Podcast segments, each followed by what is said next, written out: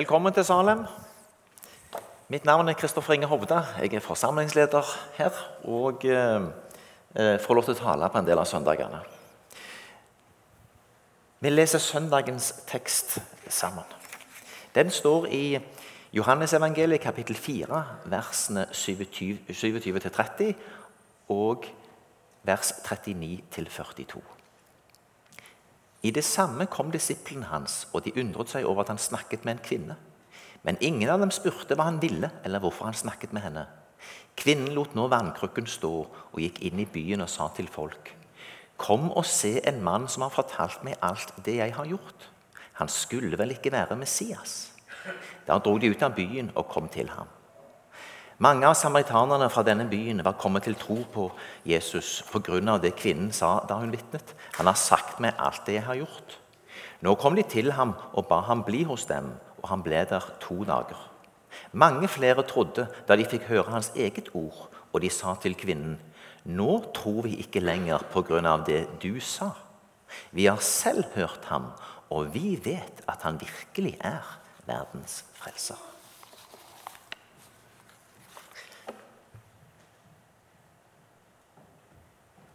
Herre, din er storheten, makten, herligheten, æren og høyheten, ja, alt i himmelen og på jorden. Ditt er riket, Herre, og du er opphøyet og har alt i din makt. Rikdom og ære kommer fra deg, og du rår over alle ting. I din hånd er kraft og styrke. Alt har du makt til å gjøre stort og sterkt. Så takker vi deg nå, vår Gud, og priser ditt herlige navn. Herre, jeg takker deg for søndagen, jeg takker deg for bønneretten. Jeg takker deg for anledningen til å komme sammen i fellesskapet. Herre, vi takker deg for ditt ord. Vi takker deg for din Hellige Ånd, som har kraft til å levendegjøre ordet. Herre, jeg ber om at du er her til stede ved din Hellige Ånd, og lar det jeg formidler, Herre, forbli til liv. Vi legger samlingen i din hånd, Herre. Amen.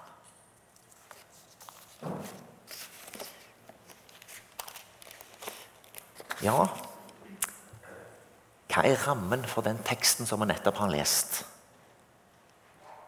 Rammen for den teksten er jo at disiplene er på vei fra Jerusalem, Judea, til sitt hjemsted oppe i Galilea, der de fleste disiplene bodde og var fra. Så godt som alle disiplene og Jesus hadde sitt hjemsted i Galilea. Og så må de gå gjennom Samaria. Og det å gå gjennom Samaria er å gå gjennom der samaritanerne er.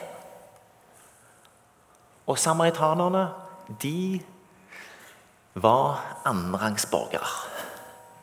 De var et blandingsfolk. Det besto nok både av eh, blanding av jøder eh, Av eh, etterkommere etter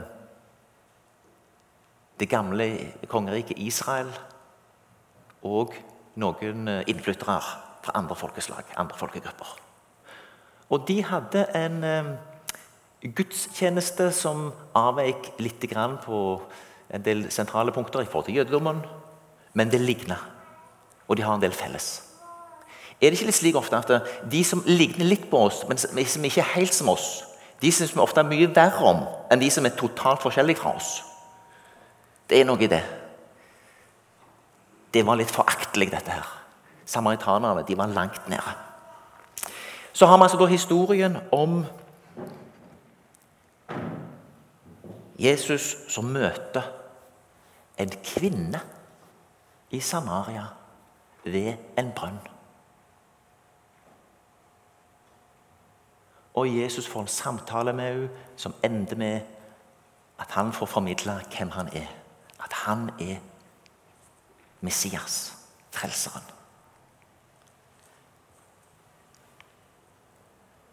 At han er verdens frelser.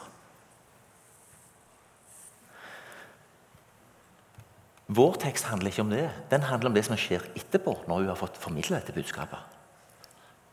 Den handler om eh, noen disipler som kommer tilbake og undrer seg over at han snakker med ei kvinne. Ingen av de spurte hva han ville, eller hvorfor han snakka med henne. Kvinna lot nå vannkrukka stå. Hun var kommet dit for å hente vann. Men nå lar hun den stå, og så går hun inn til byen. Mens Jesus fortsetter med å ha en samtale med sine disipler. Og jeg tenker at vi som er en misjonsforsamling, jeg tenker at vi må gå litt inn i den teksten som ligger imellom her, før den neste scenen kommer for disiplene har vært ute mens Jesus har eh, snakket med denne kvinnen og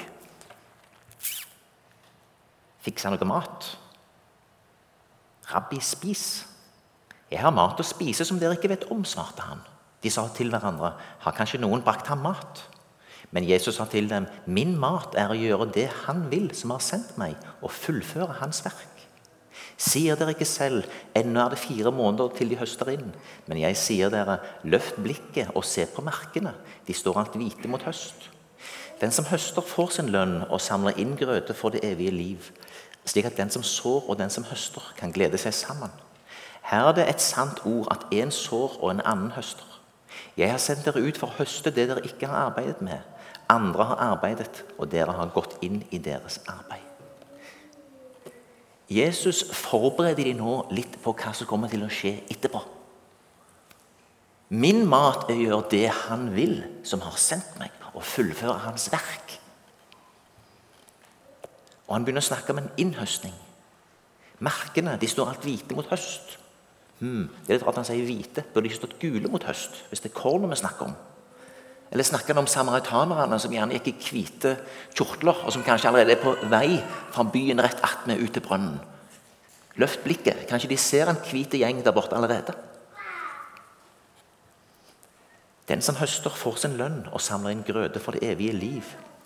Slik at den som sår og den som høster, kan glede seg sammen. Her er det et sant ord at én sår og en annen høster. Jeg har sendt dere ut for å høste det dere ikke har arbeidet med andre har arbeidet, og dere har gått inn i deres arbeid. Han forteller dem nå mer om den gjerning han er kommet for å gjøre. Han har et oppdrag å utføre fra sin far. Han skal fullføre et oppdrag. Og det dreier seg om en stor innhøstning som allerede er godt forberedt. Og denne innhøstning skal de få lov til å gå inn i. Og Senere skal de se at de skal både få være med å så og de skal få være med å høste inn. Og så kommer samaritanerne ut til brønnen. Mange av samaritanerne fra denne byen var kommet til tro på Jesus pga. det kvinnen sa. Da hun vitnet han har sagt meg alt det jeg har gjort. Nå kom de til ham og ba ham bli hos dem, og han ble der to dager. Mange flere trodde da de fikk høre hans eget ord. Og de sa til kvinnen, 'Nå tror vi ikke lenger av det du sa.' 'Vi har selv hørt ham, og vi vet at han virkelig er verdens frelser.' Jesus viser nå disiplene sine kraften i vitnesbyrdet hans. Kraften i hvem han er. Kraften i å komme inn i Guds nærvær å komme inn i fellesskapet, erfaringen av hvem Jesus er. Tenk dere i utgangspunktet et menneske som har fortalt dere alt det dere har gjort. Jeg mener, jeg ville sett ned eller sett bort eller sett alle andre veier. Og ikke vært veldig frimodig, tror jeg, typisk i, i møte med en sånn person. Kvinnen går oppløftet bort etter at Jesus har fortalt henne dype sannheter om seg sjøl. Vi får her en sterk indikasjon på det som evangelisten Johannes har skrevet tidligere om Jesus, om hvordan han var. Han var full av nåde og sannhet. Som en bekjent av meg sier Jesus var 100% nåde og 100% sannhet. Vi kan bare være litt av delene. Vi kan være litt nåde, noen prosent av nåde, noen prosent av sannhet. Det er kun Jesus som er 100 nåde og 100% sannhet. Det vi må be om, det er å få Den hellige ånds kraft og åndens ledelse. Å få noe av dette Jesus-sinnet som gjør at vi kan være både nåde og sannhet i møte med våre omgivelser. At vi òg i møte med omgivelsene våre kan være noe av det Jesus her får være for denne kvinnen. En person som får snakke sant inn i hennes liv og være med og avsløre. Uten at det trykker henne ned. Uten at det ødelegger henne. Uten at det river henne i fillebiter. Uten at det bekrefter fordommer om hvem disse religiøse er. Hun er begeistra for å ha møtt Jesus. Kom og se en mann. Kom og se. Dere må komme og se han. Jeg har møtt han. Han er virkelig. Han er reell. Denne Messias er reell. Eller kan hende det er Messias. For det sa han sjøl han var. Da igjen tilbake til en av lesetekstene som jeg fikk lest her. Moses som ba speiderne reise inn i landet og finne ut helt konkret hvordan dette landet var. Hvordan det så ut, hvilken frukt som var der, hvilke vekster som var der. Og de kommer tilbake med vareprøver. De kommer tilbake se og smak. De bar på en drueklase som var helt enorm. De kom med konkrete bevis på at dette var bra. De fikk smake. Og så er det litt sånn, da, at i den historien så tok redselen overhånd. For det var òg et budskap om at det, det var ikke bare bare å gå inn i dette landet. Det opplevdes som en motstand i det. Og de bødde seg for motstand og turde ikke. Josva og Caleb syntes dette var ille. For de var helt trygge på at ved Herrens kraft så ville de kunne vinne inn dette landet etter å ha smakt frukten. Men de ble redde. Men tilbake til dette med det konkrete, med det erfarte, med at Moses vil vise dem hvordan det faktisk er. Så er det slik at Jesus har vist denne kvinnen hvordan, faktisk, hvordan han faktisk er. Han er kjærlighet. Han er nåde. Ja, han avslører ting i våre liv. Han, han forteller oss hvordan det er. Men han gjør det på en måte som gjør at vi får si Ja, Jesus, det er sant det du sier. Jeg legger alt dette fram for deg. For jeg opplever at det er trygt å gjøre det. Fordi samtidig som du ber meg for øh, bekjenne mine synder, så vet jeg og erfarer at du er nådig Gud, og at du vil meg vel. Denne kvinnen har altså blitt fortalt alt hun har gjort. Iallfall sånn hun opplever det sjøl. Og dette budskapet er virkelig så sjokkerende for denne byen å høre. For jeg tror det er mange i den byen som ante litt om hennes liv. Men jeg tror ikke det var slik at hele byen visste så veldig mye eller alt om hennes liv. De ante nok at det var en del ting her. Og de hadde sett en del ting. Eh, og hun hadde sikkert ikke et godt rykte på seg. Men at hun kommer her og nærmest begeistret ber de komme og se en mann som egentlig har avslørt hun fullstendig. Og det virker som hun fremdeles er begeistra for denne mannen. Og har nå fått tiltro til at han er Messias, den salvede.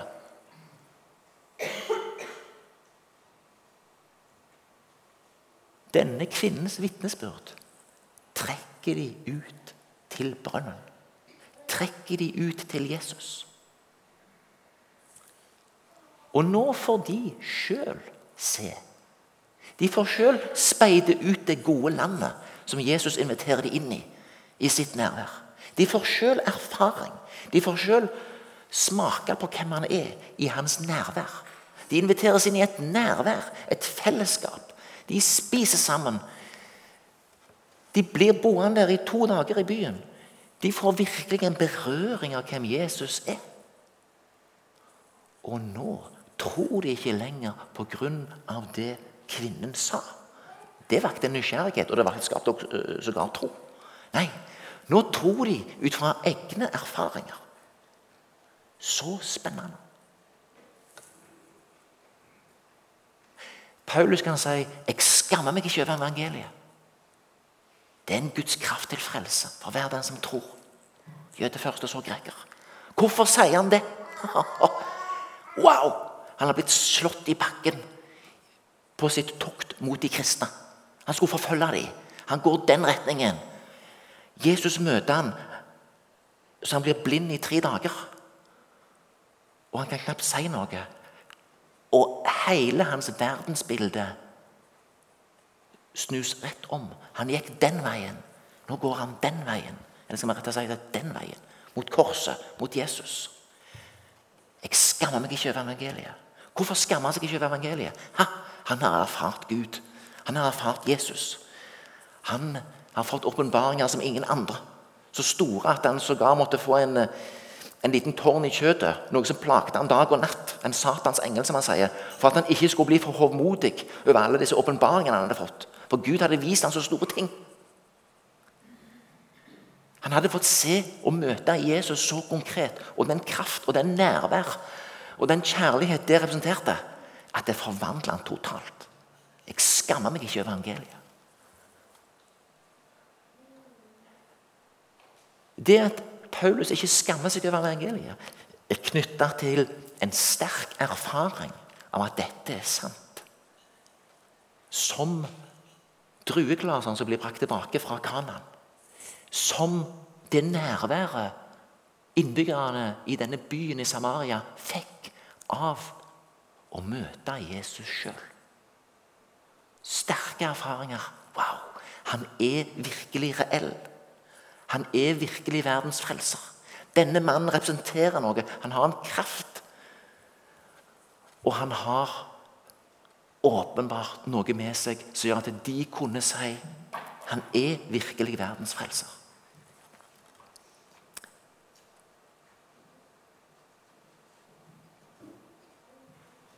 Vi står i en rik vekkelsestradisjon der mange har formidla til oss sterke vitnesbyrd om hvordan de har sett og opplevd det. Og så eh, er det sånn eh, Jeg har en artikkel her som jeg leste for noen uker siden. I en avis som heter Dagen. Er det noen av dere som fremdeles leser aviser på papir? Noen som står rett, rett opp i hånden? Det finnes også på nettet. Um, Olof Etzinger han har vært her og talt. Han har uh, vært mye i Misjonssambandet, brukt mye på konferanser og i undervisning. Han er leder for noe som heter Svenska evangeliske alliansen. Um, han er altså en evangelikal kristen. Um, og han formidler noe i en artikkel i Dagen den 15. august som jeg synes er veldig spennende. Evangeliet befrir oss, sier han, fra skyld, skam og redsel. Og så maler han opp tre bilder over hva evangeliet er. Evangeliet er gjerne i vestlig kontekst og kultur eh,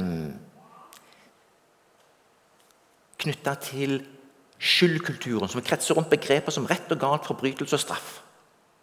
Eh, vi knytter den til den bibels juridiske tenkning som sier at en uakseptabel handling fortjener straff, og der Guds nåde kommer til uttrykk gjennom tilgivelsen.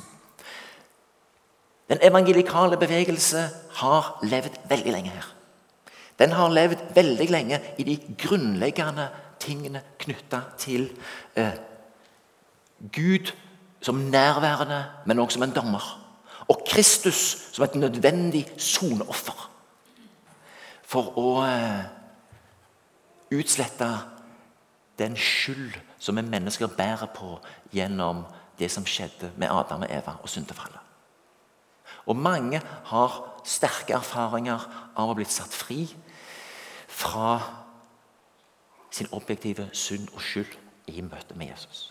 Så sier øh, I møte med ordet, det forløsende ordet som kom til dem. Så sier Etzinger men det finnes flere referanserammer. Um, de senere år har likevel stadig mer preget av en annen referanseramme som i lang tid har vært dominerende i Midtøsten, Afrika og Asia, nemlig skamkulturen, som kan sies å krenke. Det er kretser rundt rent og ureint, hederlig og skammelig. Her er det kollektivet heller enn individet som står i fokus. Uakseptabel oppførsel fører til utestengelse fra gruppen, og evangeliet får sin sterkeste anvendelse i erfaringen av Guds gjenopprettelse av den som har blitt utestengt, adopsjon av den som gjennom synden mister retten til fellesskap. Og Så legger han til en tredje referanseramme. Eh, som dreier seg om maktesløshet, redsel og onde makters påvirkning på livene våre. Fryktkulturen. Denne holdningen som dominerer i animistiske kulturer i det globale sør, møtte særlig evangeliet i og gjennom Guds overvinnende kraft når Jesus i sin døde oppstandelse beseirer syndens, djevelens og dødens makt. Og så sier han videre alle disse tre dimensjonene er allerede bekreftet i historien om Adam og Eva. Skylddimensjonen ble lansert gjennom å konstatere at Adam og Eva lytter til den onde stemme og overtrer Guds forbud. De gjør noe galt. Deres ryggmargsrefleks etter dette er å dekke seg bak fikenblader, og det pga. sin skam. Samtidig vitner fortellingen om vår forfedres redsel når det står at de som følge av sine handlinger, prøver å gjemme seg for Gud i hagen. Og eh, jeg tenker at det er noe her som eh, som òg eh, angår oss. Fordi vi har en så rik kultur av noen sin erfaring av å møte Gud på en bestemt måte. Som gjør at hvis du ikke opplever på den måten som de gamle gjorde, så kan du oppleve deg skyldbetynga og skamfull at du ikke engang erfarer synd og har en syndserkjennelse på den måten som de gamle hadde. Og bare i det seg sjøl kan skape eh, hva skal jeg si, lite frimodighet. For da er det sånn Hva har jeg erfart med Jesus? Har jeg sett min skyld alvorlig nok? Har jeg eh, noe jeg kan dele? Jeg tror det er veldig viktig å få lov til å hvile i de grunnleggende sannhetene i evangeliet.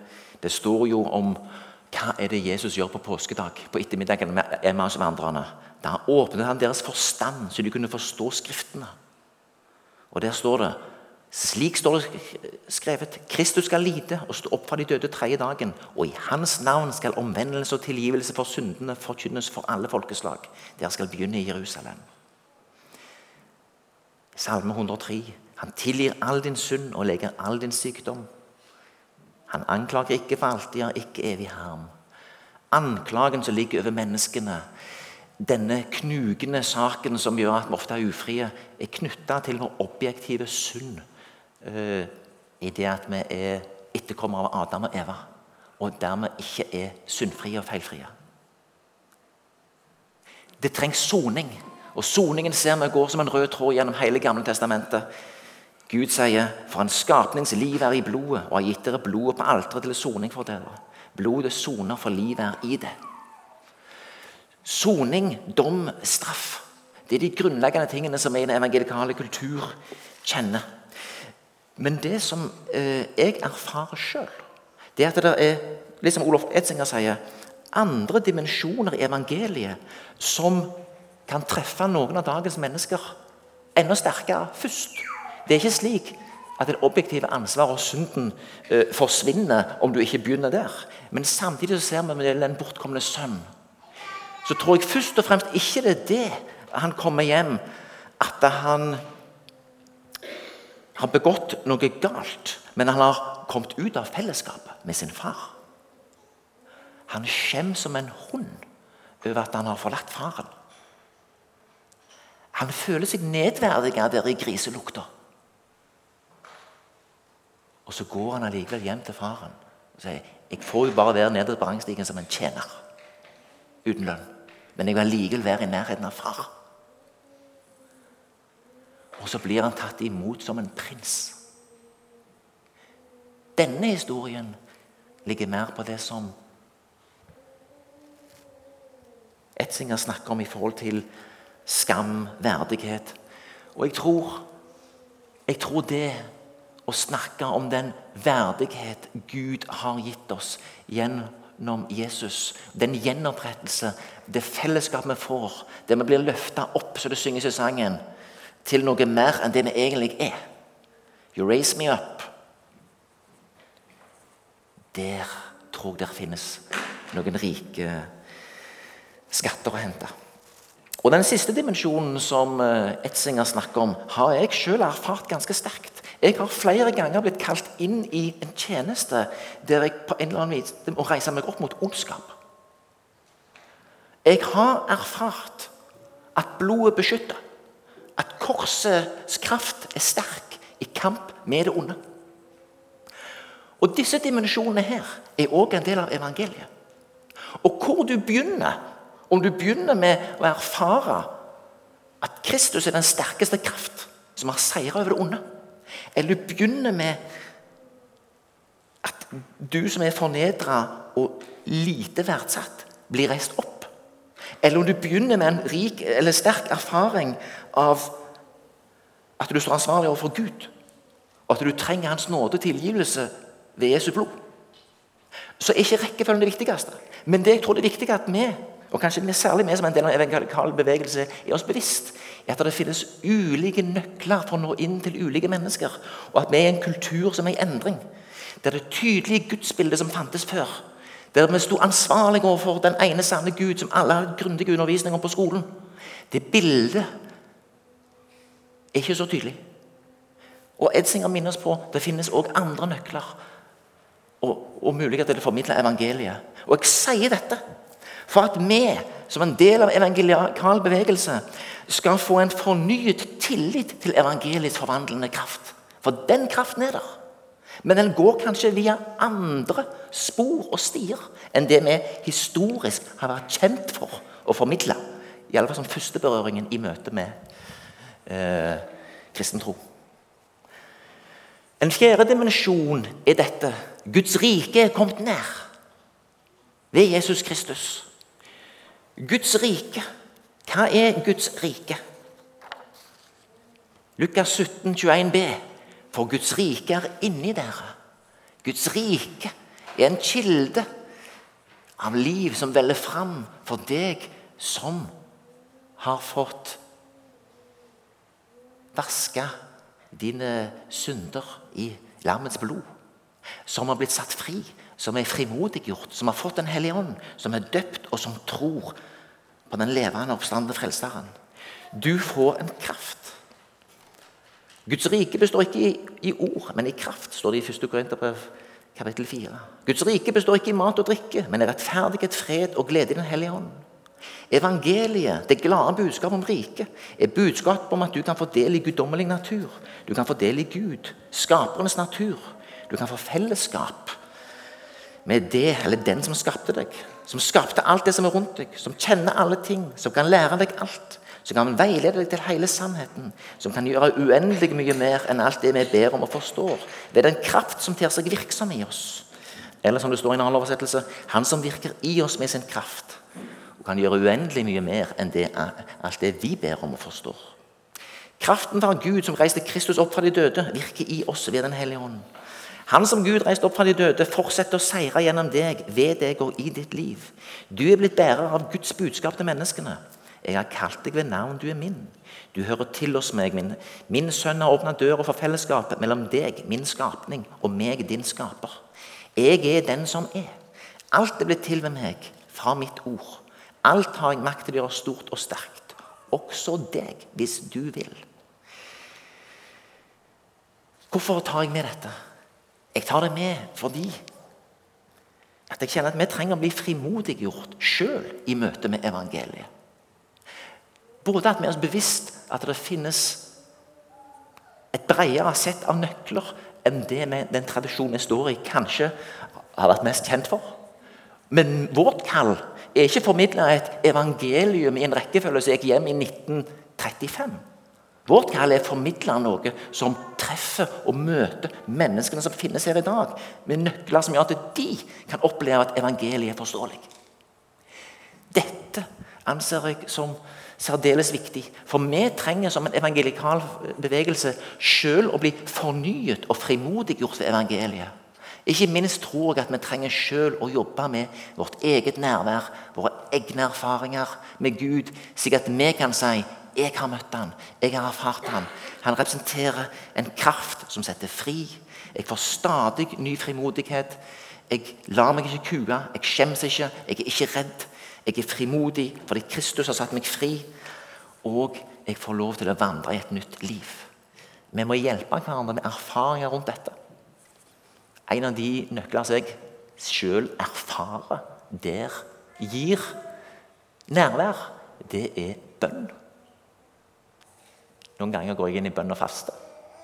Jeg erfarer at det er noe som hjelper meg veldig i nærværet. Og jeg vil gjerne både være med i bønn og samtale med så mange som mulig av dere om en del av disse emnene. For jeg ønsker virkelig at vi skal kunne løfte fram bønnen, ulike praksiser knyttet til bønn, ulike nye erfaringer som gjør at vi sjøl blir frimodig gjort av følgende Jeg erfarer han er der. Han er en realitet. Han er ikke en teori. Han er noe som lever i meg. Og dette ønsker jeg å formidle til andre.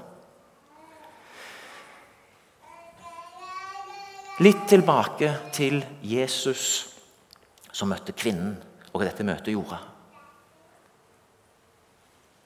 En kvinne fra Samaria. Og i Samaria så var hun langt ned på rangstigen. Kan Gud bruke hun? Jesus viser følgende. Et hvilket som helst menneske som blir invitert inn i hans nærvær og får en erfaring av hvem han er, kan bli et stort vitne han som kan gjøre hva som helst stort og sterkt. Han som har makt til å bruke det som er veldig lite, for å gjøre til skamme det som oppleves veldig stort. La oss ta et par praktiske eksempler. Sett nå at vi skulle drømme om hvem som ville skulle begynne å gå i Salem. Hadde det vært fint om en, eh, en, familie eller noe med litt kulturell, finansiell og sosial kapital Enda flere ville begynne å gå her. Hadde ikke vært fint? Ja, Vet du hvem som går i Salem? Oh, oh, oh. Så bra. Jesus viser jo en vei her som er helt annerledes. Bruk tid sammen med de som ikke nødvendigvis alle andre vil bruke tid med. Bruk tid sammen med noen som ikke nødvendigvis opplever sitt ytre sett og har den samme sosiale kapital som deg. Eller finansielle, eller kulturelle eller intellektuelle. Nei, nei. Bruk gjerne tid med noe av det som er smått og utverdig. Hvis denne dama med sine skamfulle erfaringer nede på rangstigen at hennes møte kunne bringe en hel by til Kristus. Hva kan han ikke gjøre med hvem som helst som vi ellers skulle møte? La oss være åpne i møte med mennesker. La oss ikke tenke ja, nå var jeg snill som brukte ti minutter med deg. Nei, nei, nei. Gud vil at vi skal bruke tid med de som er nedtrykt. Det er barmhjertighet jeg vil ha, ikke offer, sier Jesus. La oss aldri undervurdere eh, noe menneske. La oss verdsette dem. La oss sette pris på dem.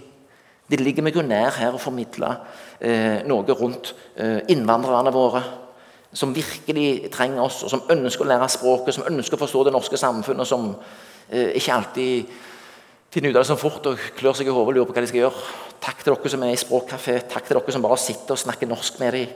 Eh, det er noe rundt det som jeg syns er spennende. Eh, og så gjelder det for oss sjøl oppsummeringsvis å plassere oss på et sted der vi erfarer at vi møter Jesus. Sakkeus plasserte seg på et sted der han visste at han måtte komme forbi. Altså Jesus måtte komme forbi. Søndag klokka 11 er et godt sted. Vi håper og tror at Jesus kommer forbi her med sitt ord, med bønnen, med fellesskapet. Neste søndag er det nattverd. Vi håper og tror at Salem kan være et sted der Guds nærvære formidles. Så når du kommer hit, så gjør du som Sakkeus. Du setter deg på en grein og håper du får en erfaring av Jesus. Sågar at han kanskje ser opp på deg eller ser ned til deg her og omfavner deg og tar seg inn til seg. Men det er òg litt vesentlig å plassere seg på et sted da, der du kan møte noen mennesker. Nei, Jesus satte en brønn. Jeg synes Det er spennende med Misjonssambandets nye strategi. som er sånn at Det, det er ikke en strategi for misjonsfeltene og denne strategi her hos oss. Nei, nei, nei. Det er samme strategien. Det syns jeg er spennende. For jeg tror vi har veldig mye å lære av la oss si, misjonærers møte med andre mennesker. Vi nærmer oss å være nå fremmede i vår egen kultur. Sikkert enhver utenfor den kristne boble la kalle det, eller sfære, er en som vi må ha kulturelle møter med. Jeg tror vi har mye å hente på å være åpne for misjonærenes måte å leve på. Det er nesten som vi kunne hatt lyst til følgende. I stedet for at vi sender noen misjonærer langt bort, så bestemmer vi oss nesten bare for å sende en lokal familie til et lokalt sted. Til sitt nabolag. Og bruke misjonsstrategier. Og se hva det kunne blitt. Litt skjems vi over det, for det skulle jo vi gjort sjøl. Men bare for å eksemplifisere at vi i våre liv trenger sjøl å inkorporere misjonsstrategier i alt vi er og alt vi tenker. Der vi kan be Gud vis meg en brønn. Gud, plasser meg på et sted der du må komme nær. Der jeg kan komme nær mennesker. Og Samtidig, så da, når vi begynner å erfare og se mennesker møte oss, så øker kanskje behovet for Wow, hva har jeg fått? Hva har jeg sett? Har jeg noe å leve eller har jeg noe å gi? Jeg trenger kanskje en gruppe. Hjelp meg. Eh, kan noen undervise meg mer? Og plutselig så er det noen gode prosesser på gang. La oss be om at uh, Gud kan bruke oss. La oss bli fornya av evangeliet sjøl. La evangeliets ulike dimensjoner få leve i oss. La oss ta med oss det beste vi har fra historien. La oss ta med oss det beste vi har fra misjonsstrategiene. Og la oss gå inn i en ny tid utstyrt med den kraft som Gud gir gjennom den frimodighet vi får vi å bli satt fri fra synden og døden ved Hans Sønns blod, og samtidig vandre ved Den hellige ånd og få lov til å ta til oss alt det som Gud har gitt oss, i fellesskapet, i vårt daglige liv, i uh, møte med mennesker. Vi ber sammen. Herre, takk for evangeliet. Takk for evangeliets ulike dimensjoner. Herre, gi oss visdom, gi oss råd. Gi oss av din kraft. Gi oss forstand, Herre, til å forstå vår tid. Til å forstå hvem vi er i møte med de andre. Men først av alt, Herre, å kjenne deg. Vi ber, Herre, om at du lar oss få lov til å erfare deg bare enda mer. Og at du kommer enda dypere inn i vårt liv. Amen.